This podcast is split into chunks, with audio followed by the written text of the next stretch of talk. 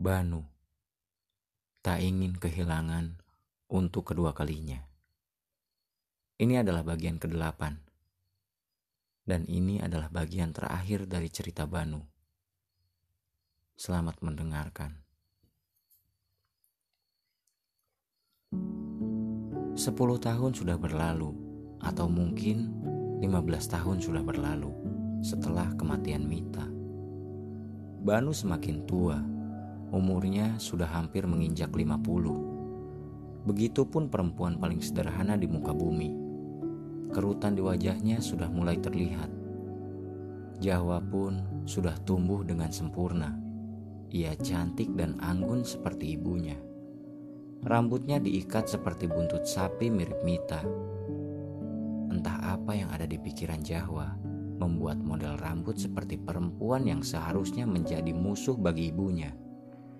Tapi ibunya adalah wanita paling lembut di dunia. Ia sama sekali tak marah kepada Mita. Meskipun sesekali ibunya mengingatkan kepada Jawa untuk merubah gaya rambutnya ketika ingin bertemu dengan ayahnya. Ibunya takut hal itu membuat Banu memikirkan hal-hal yang membuat hatinya kembali sakit.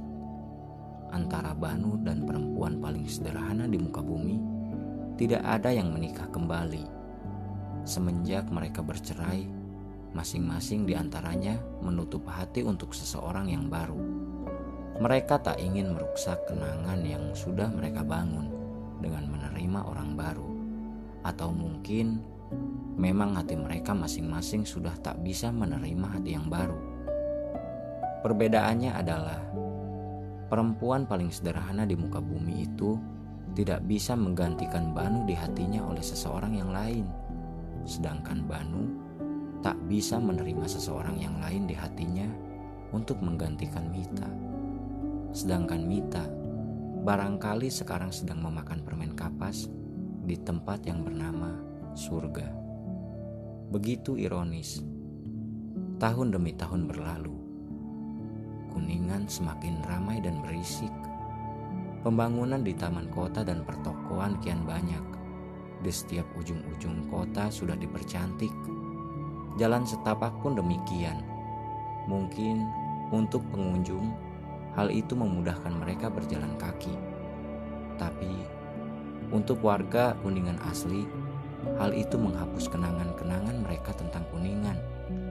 Tak apalah, lagi pula kita akan mati lalu digantikan dengan generasi yang baru, bukan? Membuat kenangan yang baru. Jawa sekarang bukan gadis gadis lugu lagi. Ia sudah berubah menjadi ibu beranak satu yang ia beri nama Mita. Entah apa yang merasuki Jawa ketika malam-malam sesaat setelah melahirkan bayinya, ia malah memberikan nama anaknya Mita seseorang yang seharusnya menjadi musuh bagi ibunya, atau bahkan seharusnya menjadi musuh baginya. Mungkin Jahwa mewarisi hati yang sangat lembut dari ibunya, yaitu perempuan paling sederhana di muka bumi. Ayah dan ibunya masih hidup. Rumah mereka bahkan sekarang saling berhadap-hadapan. Ibunya memutuskan untuk menjual rumahnya dan pindah di depan rumah Banu yang sekarang sudah tua perempuan paling sederhana di muka bumi itu memutuskan untuk mengurus Banu di sana. Meskipun ia tahu ia bukanlah siapa-siapanya lagi, tapi perempuan paling sederhana di muka bumi itu tahu Banu mungkin membutuhkan dirinya saat ini. Saat di mana uban di rambut mereka masing-masing sudah menutupi kepalanya. Sampai akhirnya beberapa tahun dari kelahiran Jawa, yang anaknya diberi nama Mita itu, setelah Mita pulang dari sekolah dan dijemput oleh Jawa, mereka berdua memutuskan untuk menjenguk ibunya dan ayahnya. Setelah berbulan-bulan tak mereka kunjungi karena harus ikut suaminya bekerja di luar kota. Ketika sudah masuk ke rumah ibunya, tak ada siapa pun di dalamnya. Hanya TV yang masih menyala dan segelas teh manis yang masih sedikit hangat. Lalu Jahwa dan anaknya memutuskan untuk keluar dan masuk ke rumah di seberangnya, di mana itu adalah rumah ayahnya dan juga kakek bagi Mita.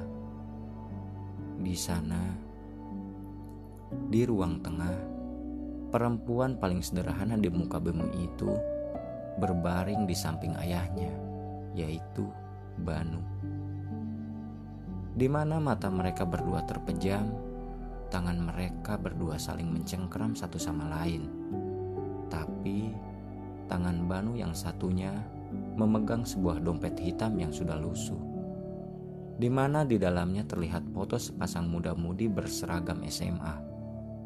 Di mana itu adalah Banu dan Mita sewaktu pacaran dulu.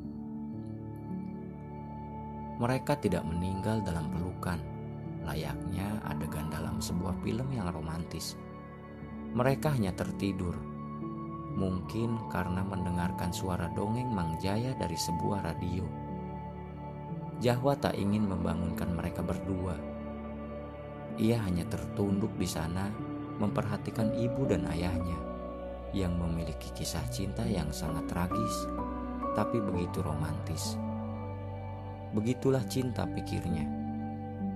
Tak pernah berharap apa pun, bahkan untuk perempuan paling sederhana di muka bumi itu, meskipun sebenarnya ia sudah dicampakkan oleh Banu. Ia masih saja tetap setia untuk tidak menikah lagi dan terus mengurusi Banu sampai tua. Meskipun di hati Banu saat ini hanya ada satu wanita yang tidak tergantikan oleh wanita mana pun wanita seperti apa pun, termasuk istrinya. Ya, yaitu perempuan paling sederhana di muka bumi.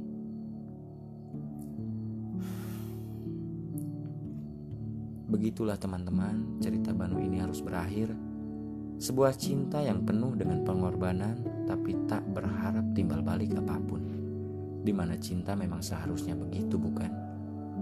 Terima kasih telah mendengarkan cerita pendek ini. Saya Ciko pamit. Wassalamualaikum warahmatullahi wabarakatuh.